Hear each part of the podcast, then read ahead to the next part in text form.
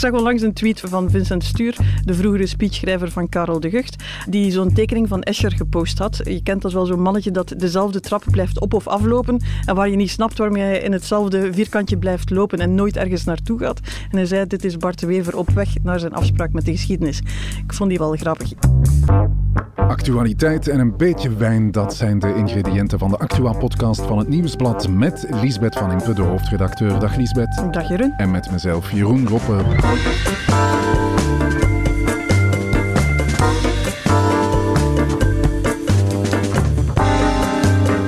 Vanop de redactie in Antwerpen. Dit is het punt van Van Impe.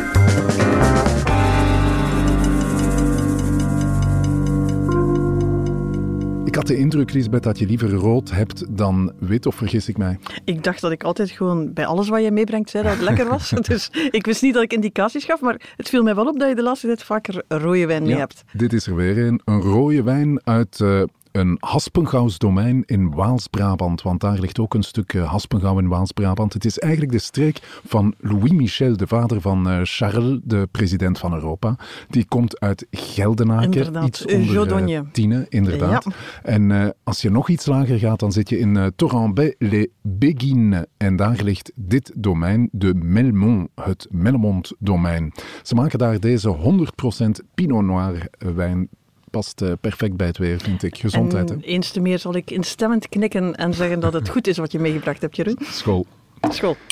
Ik zit intussen aan aflevering 7, Lisbeth van Borgen, de Deense Netflix-serie waar we het vorige week over Ik hadden. En loop helemaal achter, want ik ben helemaal herbegonnen met seizoen 1. Dus ja, ik zal nog even tijd nodig hebben om je bij te benen. Ik heb er nog één te gaan en het ziet er echt niet goed uit. Je krijgt echt een eh, gitzwart beeld van de politiek en van de politieke journalistiek eh, ook trouwens. Het is alles behalve fraai en vooral eh, heel deprimerend hè, voor mensen die van politiek houden. Dus het past bij dit tijdsgevricht waar we Ik vrees met z'n allen wel eens zuchten bij de stad van de democratie. Ja, want je ziet het ook bij ons. Hè. Steeds meer politici stoppen ermee. Eh, daar wil ik het zeker met jou over hebben vandaag. Daar gaan we zeker het over na hebben, ja. eh, ontslag van Valérie Van Peel, de ondervoorzitter van NVA. Ken je haar goed?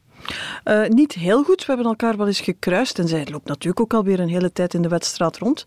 En haar vertrek was toch wel, eh, ja, was wel voor heel veel mensen wel schrikken. Ja, veel mensen hebben het over een toptalent dat uit de politiek stapt. Was ze dat echt? Eh, het was absoluut een talent en vooral een van die mensen die zich eh, kan opwinden, die vechten voor dossiers en waarvan je eigenlijk ook gelooft dat ze het menen. Dat het geen, geen trucje is, maar dat ze effectief ja, bezig zijn met dossiers waarvan ze denken dat dat het leven van de of sommige mensen beter kan maken. Geen punt van Van Impe zonder Georges-Louis Boucher. Wat heeft hij nu weer uitgestoken? Hij heeft een rechter gevonden. En dan zeg je, waarom moet Georges weer rechters vinden? Eh, hij had een rechter nodig voor het Grondwettelijk Hof. En dat was een stuk moeilijker dan hij zelf gedacht heeft. Hij heeft ongeveer aan iedereen moeten vragen. En heeft zich nog eens goed kwaad moeten maken op de persconferentie. Daarover straks meer. We beginnen aan de 51ste aflevering van het Punt van Van Impe.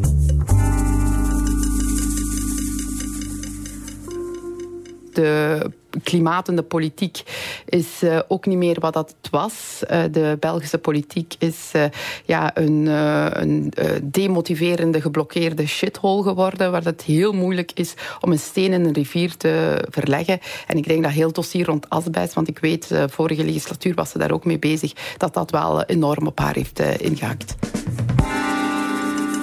Vlaams minister Demir over haar partijgenote Valérie Van Peel. Die stopt als ondervoorzitter van de NVA en is bij de volgende verkiezingen ook geen kandidaat meer. De andere ondervoorzitter was Lorin Parijs. Die is ook al weg, Lisbeth. Twee toppers minder bij de NVA. Hoe groot is de schade precies? Wel, ik moet zeggen, ze hebben zelfs niet weggestoken dat het eigenlijk toch wel een, uh, een mokerslag was. Uh, het is een partij, ook de voorzitter staat erom gekend dat hij niet vaak zijn emoties uit. Uh, wel, er bleven blijkbaar weinig ogen uh, helemaal droog toen ze de partijraad aan het uitleggen was ja, het zijn wat twee haar mensen die echt wel wogen op de partij. Hè? Wel, het zijn twee gezichten, het zijn twee mensen die herkenbaar zijn. Het waren ook, laten we eerlijk zijn, de geprefereerde ondervoorzitters van Bart de Wever. Uh, die Theo Franke wat op een afstand aan het houden was. Dan Lorin Parijs had also zijn rechterhand de man die naar de afdelingen kan. Valerie van Peel, een vrouw waarmee dat je in de etalage kan gaan staan, die, die, die een heel eigen stijl heeft van aan politiek doen. Dus het waren zijn geprefereerde rechterhanden. Uh, het zijn mensen die een ander profiel, of laat zeggen het profiel van de NVA breder zetten dan het Ja. heel klassieke uit de nichepartij die ze ooit waren, uh, voorkomende profielen van Vlaamse nationalisten en mensen die met migratie bezig zijn. Dit zijn andere profielen. Dus dan denk je, hier wordt iets opgebouwd. Ja, en dan valt het eigenlijk als een kaartenhuisje in het Het waren mensen die uh, competent waren uh, van Peel en Parijs. Uh, mensen die ook ambitieus waren. Intussen zit Bart de Wever bijna twee decennia op de voorzittersstoel. Waren zij het wachten beu? Had het daar iets mee te maken? Ik denk niet dat het zo simpel is. Van Valerie van Peel weet ik niet of zij echt de ambitie had om voorzitter te worden. Er werd meer gefluisterd dat ze in een volgende regering misschien een, een, een, een, ministerpost zou kunnen krijgen. dat leek mij een, een evidente pad. Loor in Parijs had die ambitie misschien wel, maar kwam eigenlijk van bij de liberalen en dan blijf je toch een heel klein beetje verdacht in N-VA-kringen. Dan ben je geen echte van ons. Dus voorzitter worden na Bart de Wever was misschien toch ook wel heel goed gegrepen. Maar je zit vooral met dat contrast. Je zit twee decennia Bart de Wever. Hij is net nog eens verlengd tot na de verkiezingen van 24. Iets wat iedereen had zien aankomen. Uh, en daaronder een generatie ja, waar het een beetje een va-et-vient is. Mensen die uitgeprobeerd zijn, terug naar de coulissen verdwenen zijn. Iemand als de Sander Loners, uh, ja. kortste minister ooit ongeveer. Je hebt mensen die, uh, oudere generatie, die stilaan naar de achtergrond gaan. Een Geert Bourgeois, die, die zie je niet zo vaak meer. Die zit in het Europees parlement. Van over het veld. ook ooit een wit konijn. Jan Jan Bon, daarvan weten we dat dat op het einde van de legislatuur een boeket bloemen, een dankwoordje van de voorzitter en een, uh, een horloge is, maar dan bye-bye, geen, uh, geen volgende minister-president. Dus die generatie die gaat stilaan ja, het podium af. Dus ja, dan kijk je naar beneden. Jongere generatie. En dus ja, daar wordt het moeilijker. De twee ondervoorzitters van Peel en Parijs behoorden ook tot de, zeg maar, de socialere, zachte flank van de MVA. Betekent dat dat de harde flank met uh, Theo Franke als bekendste gezicht nu sterker staat? Uh, ja, soms in, in, in de politiek is een simpele optelsom. Hè. Als, als de ene flank niet meer zichtbaar is, dan wordt de andere zichtbaarder. En dan zit je met die thema's die we kennen: hè. migratie, veiligheid, uh, staatsstructuur belangrijke thema's. Maar goed, daar spreek je een deel van het publiek mee aan. Kijk waarop Parijs en Van Peel zich profileerden. Eenzaamheid bij ouderen. Uh, dingen als het asbestdossier waar het over ging. Uh, daar komen we straks nog op terug. Ouderschap, uh, hoe kwetsbare jongeren, dat soort thema's. Dat is een heel ander register. Daar bereik je andere mensen mee. Ze zijn niet de enige natuurlijk. Je zou kunnen zeggen, zoals Demir vandaag doet dat ook. Zij spreekt een publiek aan met nu haar strijd voor stikstof. Een aantal groene kringen waar dat je, of, of in ieder geval natuurverenigingen waar je voelt dat ze een stuk credibiliteit opbouwt, een stuk parlevre, waarmee ze misschien een centrumkiezer kan weten te overtuigen die alle wollige verklaringen van hun eigen voorzitters een beetje beu zijn. Dus dat is iemand die gaat vissen in vijvertjes waar de gemiddelde NVA ja. niet komt. Maar goed, de strategie van uh, Bart Wever en uh, van de NVA om Open VLD en CDMV helemaal op te eten, die wordt nu toch wel een stuk moeilijker. Die wordt moeilijker en ze was soms al moeilijk. Hè. Kijken we naar het, het lastige parcours van een Ben Wijts. Die zit op een groot departement waar NVA heel grote beloften gedaan heeft over de kracht van verandering, de bestuurskracht. En daar zit je met een thema dat eigenlijk is onderwijs een zacht thema? Boah, dat gaat over heel grote budgetten, dat gaat over koepels en heel veel politiek. Maar dat gaat in de eerste plaats over ouders die zich zorgen maken over de kwaliteit van onderwijs. Dat gaat in de eerste plaats over werken die scholen. Zijn die leerkrachten content? Geloven zij dat het ergens naartoe gaat waar zij zich met volle schouders kunnen achterzetten?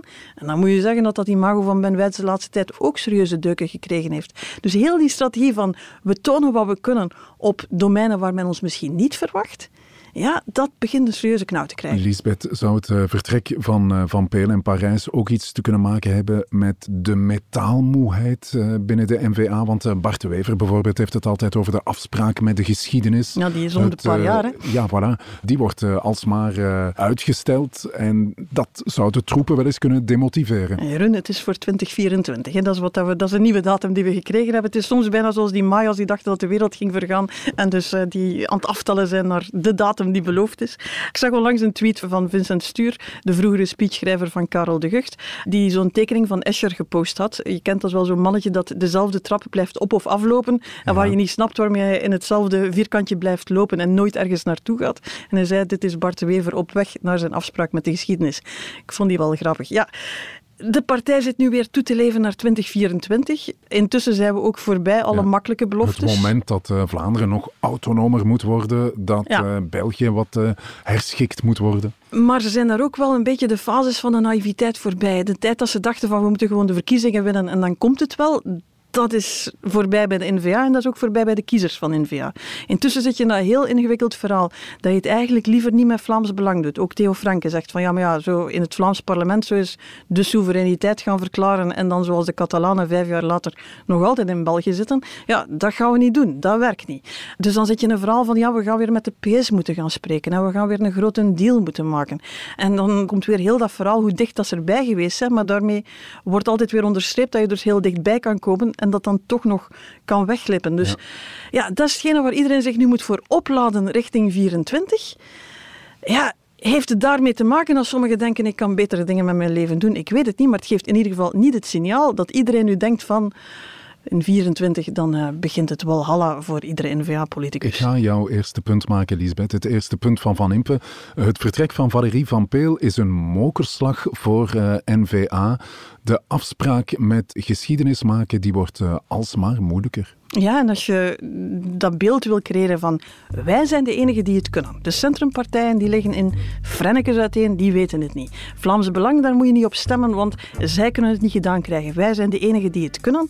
Dan is het wel handig als de troepen gewoon achter je rug blijven staan, stokstijf stil, klaar om samen datzelfde doel te gaan verwezenlijken. Het punt van Van Impe.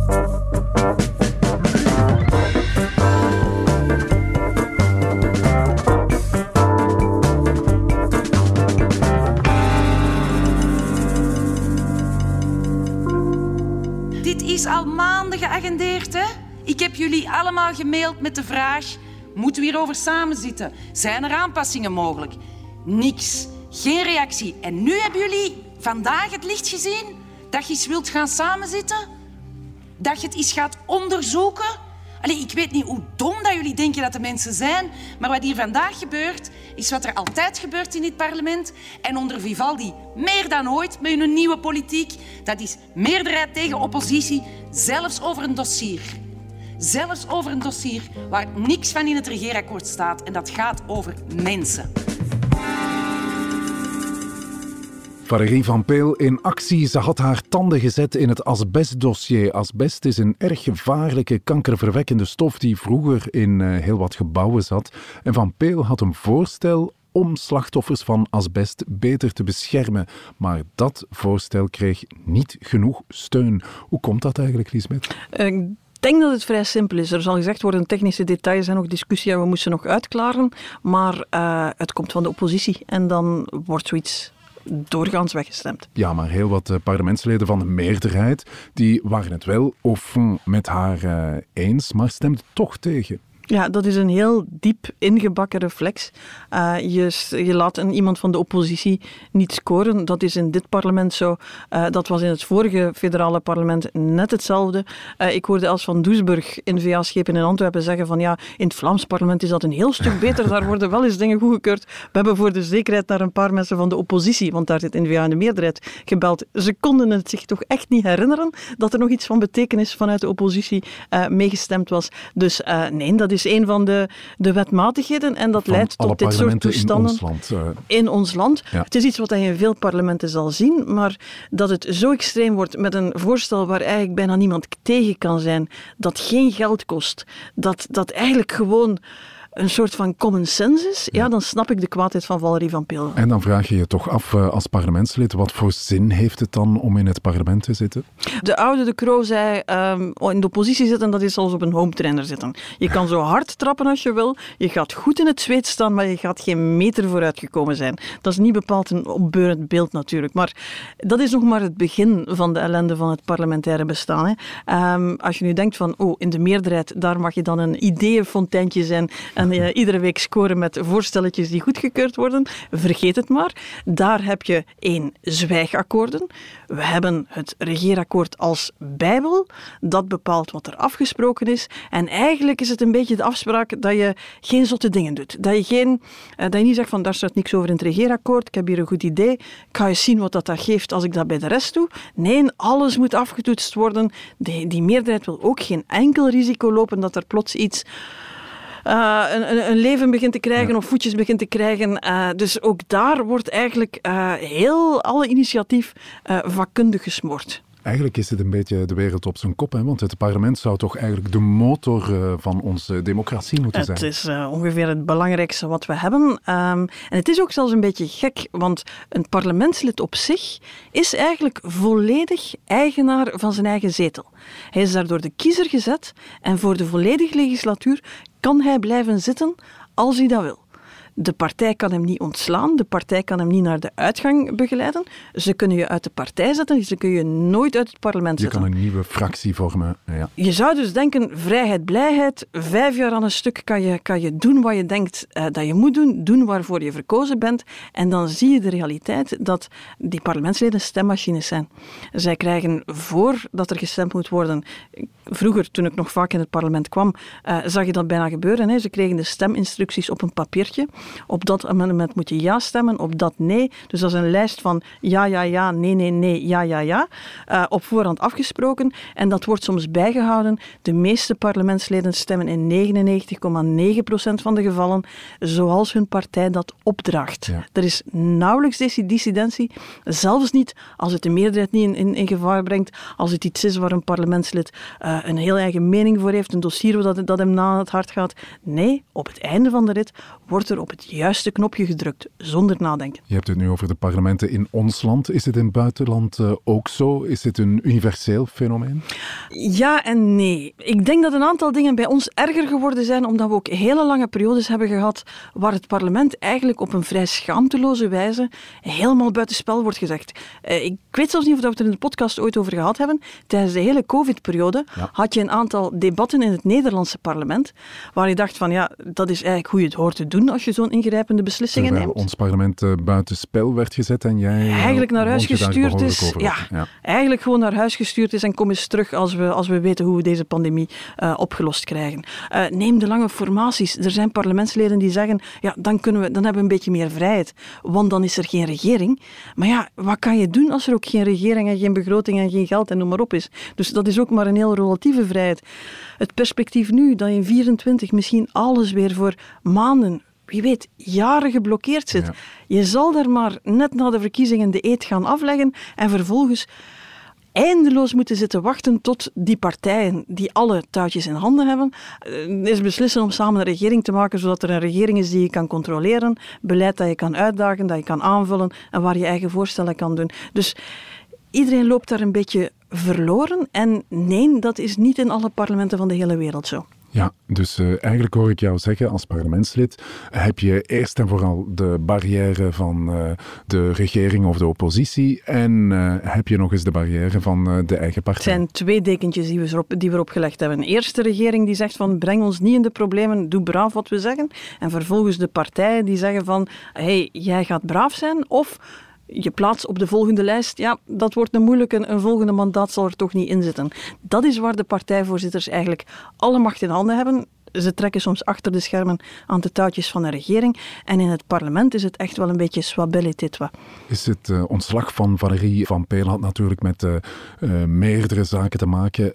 Misschien ook wel met de harde toon binnen de politiek. is, is de politieke stil, Lisbeth, niet gewoon te hard. Ik heb telkens als ik mijn uh, Twitter open doe, plaatsvervangende schaamte. Als ik uh, veel dingen lees. Je moet echt wel tegen een serieuze stoot kunnen. Hè? Je moet tegen veel kunnen. Het politieke milieu onderling is al behoorlijk hard. Ik bedoel, er wordt voor elke morsel grond strijd geleverd. De tactieken gaan tweet na tweet, sociale mediastrategie naar sociale mediastrategie. Dat is al onderling. En dan komt nog eens de kiezer, de burger, de vaak kwaaie burger erbij, met alle scheldwoorden die je kan verzinnen.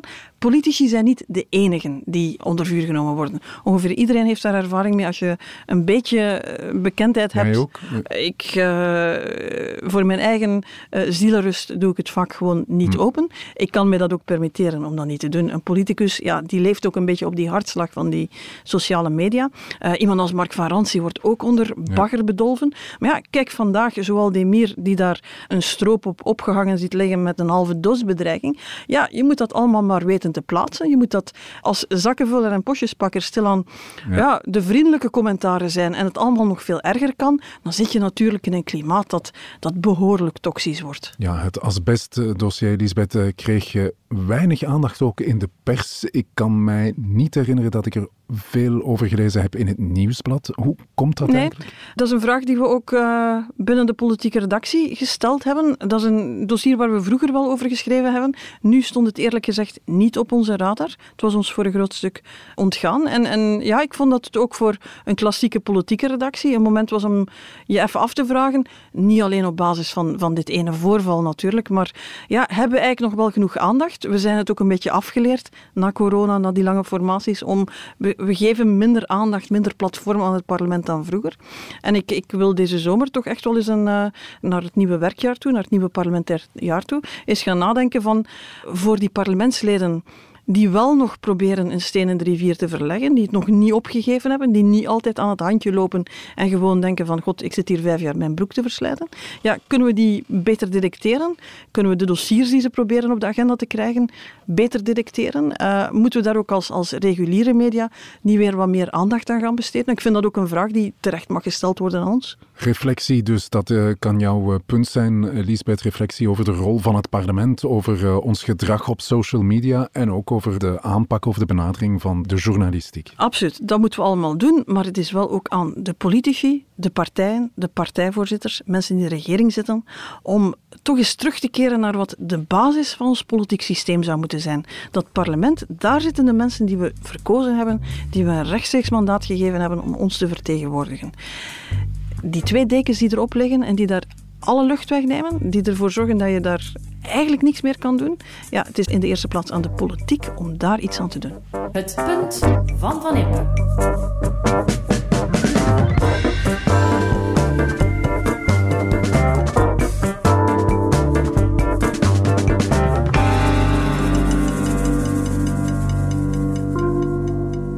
De MR, dat is de partij van voorzitter Georges-Louis Boucher, daar valt zijn naam weer. Uh, mocht iemand aanduiden voor het grondwettelijk hof en uh, Boucher kwam uit bij Catherine Jadin.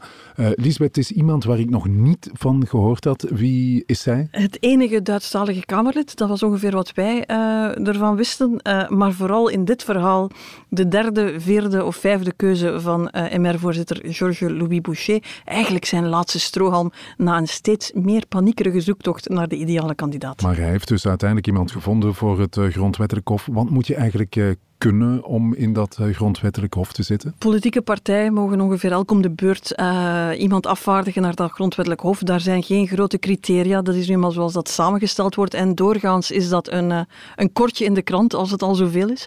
Maar de laatste tijd zijn die benoemingen een stukje spannender geworden. En dat heeft alles met Boucher te maken. Want ja. de vorige benoeming, die toen door Ecolo moest gebeuren, ja, die is ook helemaal fout gelopen. Ja, dat was Katabi, de huidige minister van Klimaat, die eigenlijk in dat grondwettelijk grondwettelijk hof eh, zou moeten zitten, maar daar uh, stak Boucher een stokje voor. Ja, en dat was redelijk ongezien, want Ecolo had daar voorgedragen, zij beantwoordden aan de criteria. De regering, daar wordt eigenlijk weinig over gediscussieerd, dus de regering had dat gesteund. En toen kwam Boucher, die zei van, ik zie dat toch niet zitten. Hij had een soort van formele reden, ze had nooit rechten gestudeerd. Ah, ja. Hij zei van, ja, als je nu diploma. in het grondwettelijk hof wilt zitten, dan, dan moet je toch, ja, toch al eens een handboek rechten open gedaan hebben. Ja, iedereen wist eigenlijk dat dat maar een excuus was, omdat hij Gatabi niet moest dat hij, die te activistisch zou vinden, dat hij die te ecolo, te groen, te links, noem maar op vond. Uh, hij heeft daar zijn voet gezet. Dat is even op de spits gedreven en ze is het finaal ook niet geworden. Dus uiteindelijk heeft Ecolo iemand anders voorgedragen en is Gatabi uh, finaal dan opgevist in de federale regering,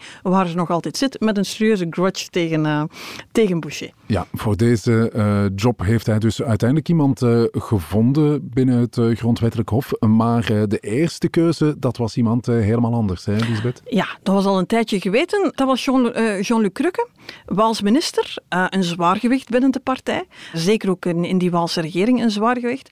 Maar niet de beste vriend van Boucher.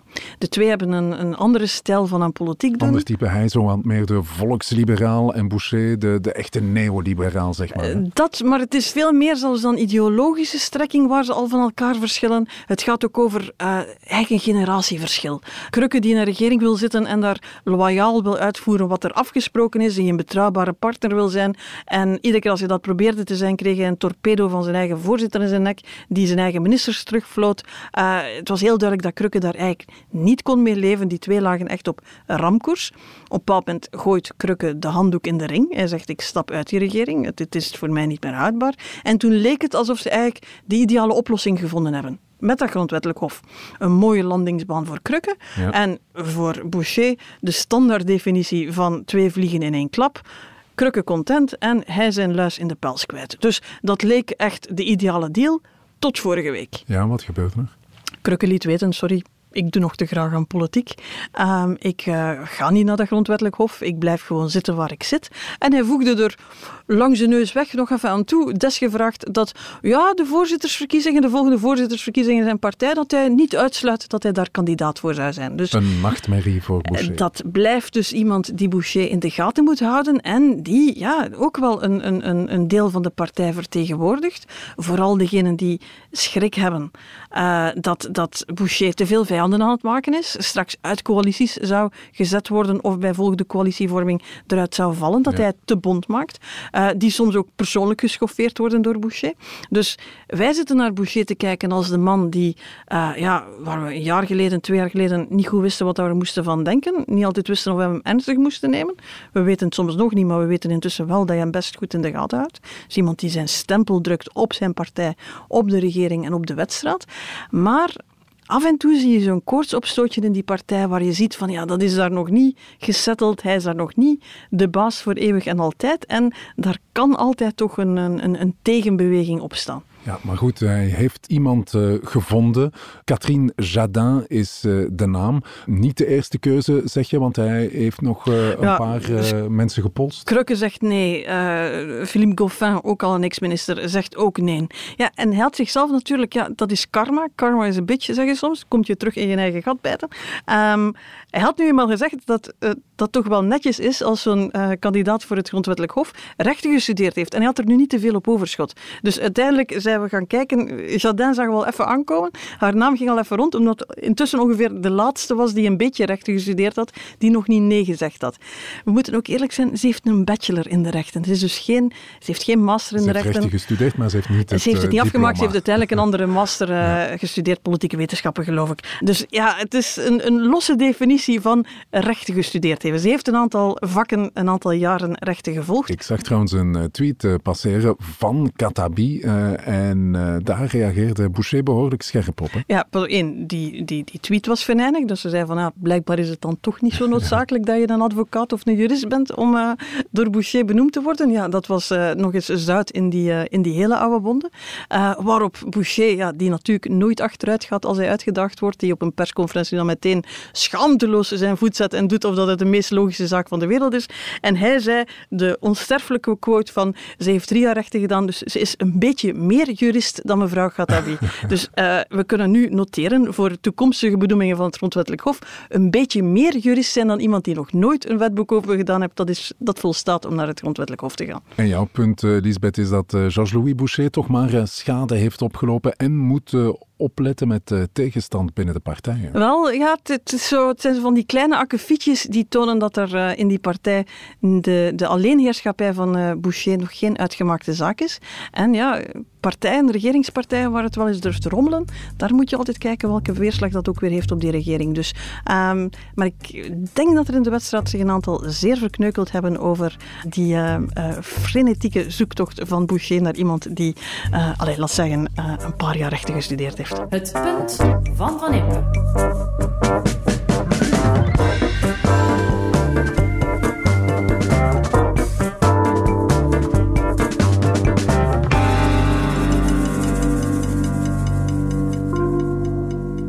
Dankjewel voor dit punt. Dankjewel voor de drie punten, Lisbeth. Een frisse fruitbom eh, vind ik deze Mellemond. En uh, een revelatie voor mij. Uh, geweldige wijn vind ik. Je zijn net heel jonge wijnbouwers, als ik het ja, goed heb. Ja, inderdaad, die het domein hebben overgenomen. Want het was eigenlijk een domein dat opgericht is in het begin van de jaren 90. En lange tijd eigenlijk het grootste Waalse wijndomein was echt pioniers. Maar overgenomen nu al een jaar of twee door jonge dertigers die aan aan het hoofd staan van het uh, Melmont-domein.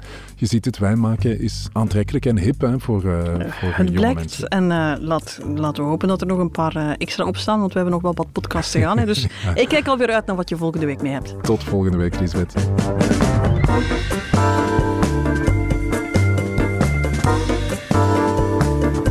Was het Punt van Van Impe, een podcast van het Nieuwsblad. Je hoorde de stemmen van hoofdredacteur Lisbeth Van Impe en van mezelf, Jeroen Roppe. Dank aan de VRT voor de audioquotes, aan Pieter Schrevers voor de muziek en aan Pieter Santens van House of Media voor de montage. De productie was in handen van Eva Michom en Joni Keimolen. Tot het volgende Punt van Van Impe.